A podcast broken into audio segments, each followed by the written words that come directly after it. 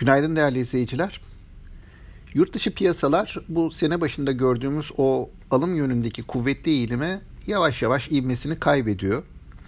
ABD hisse senedi piyasalarında dün e, açılışta satışlar hakimdi. Endeksler 1-1,5 düzeyinde gerilediler. Sonrasında gelen bir toparlanmayla yataya yakın bir kapanış gerçekleşti. Ancak bu sabah itibariyle yine yurt dışı tarafta vadeli işlemlerde eksiler daha ağır basıyor. Bunun önümüzdeki günlerde bizim piyasalarda etkisi olabilir. Yurt dışı tarafta özellikle temkinli havaya girilmesinde ABD tahvil faizlerinin yükselmesinin önemli bir etkisi vardı. ABD tahvil faizleri kısa bir süre içerisinde 1.15 seviyelerinden 1.33 seviyelerine kadar çıktı. 10 yıllık tahvilin e, faizi bu. Dolayısıyla piyasalarda gelişmekte olan ülkelere dönük olarak bir miktar risk azaltımı söz konusu oldu. Şimdi e, bu 1.33'e kadar çıkan 10 yıllık tahvil faizleri yeniden 1.27'lere kadar gerilemiş görünüyor. Ancak e, yine de yurt dışı tarafta hisse senedi tarafında özellikle bir kar realizasyonu beklentisi artmış gibi geliyor bana. Dolayısıyla bunun hani yakından takip edilmesi iyi olur. Bizim tarafa baktığımız da ise e, borsa Şubat ayı başından beri çok dar bir bantta seyrediyor. Günlük işlemler hani bir gün artı bir gün eksi şeklinde devam ediyor.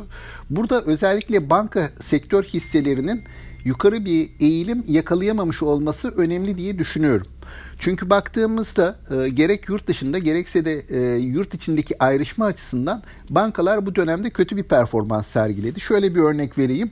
Banka hisselerinin bu yıl başına göre yaklaşık %7'lik bir kaybı oldu. Sanayi endeksi ise bu dönemde yaklaşık %15'lik getiri sağladı. 2020 yılı içerisinde de e, böyle bir fark oluşmuştu yine bankalar aleyhine. Dolayısıyla son bir buçuk iki senelik e, bazda bakıldığında banka sektör endeksleri makas olarak karşılaştırmalı olarak bankalar aleyhine dip seviyede. E, dolayısıyla e, bankalarda bir talep oluşmayınca gerek yabancı yatırımcı gerekse yerli yatırımcı açısından bu endeksin yukarı yönlü hareketini sınırlıyor bana göre. Şimdi önümüzdeki dönemde neler var? Yani beklenti olarak bankalarda ilk iki çeyreğin sonuçları nispeten zayıf gelecek.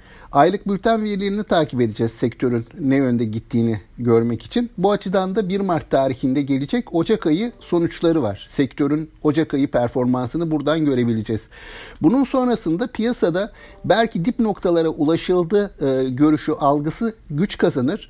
E, bu algı eğer güç kazanırsa bir toparlanma eğilimi, bir toparlanma çabası görebiliriz bankalarda. Bu da endeksi yukarıya taşıyabilir. Ancak bu e, nispeten orta ve uzun vadede görebileceğimiz bir gelişme. Ayrıca bu gelişme hani bu bahsettiğim gelişmeler yaşanırken yurt içi piyasalarında, yurt dışı piyasalarında nispeten olumlu havayı koruyor olması lazım. Bir sert bir kar realizasyonuna girişmiyor olması lazım. Kısa vadeye baktığımızda kısa vadede ben hani önümüzdeki bir e, bir bir hafta 10 günlük süreç içerisinde e, bizim borsanın e, BIST yaklaşık olarak bu seviyeleri korumaya odaklanacağını tahmin ediyorum. Yine hani ay başından beri gördüğümüz o yatay hareket hisse bazlı değişimler devam edecek gibi geliyor.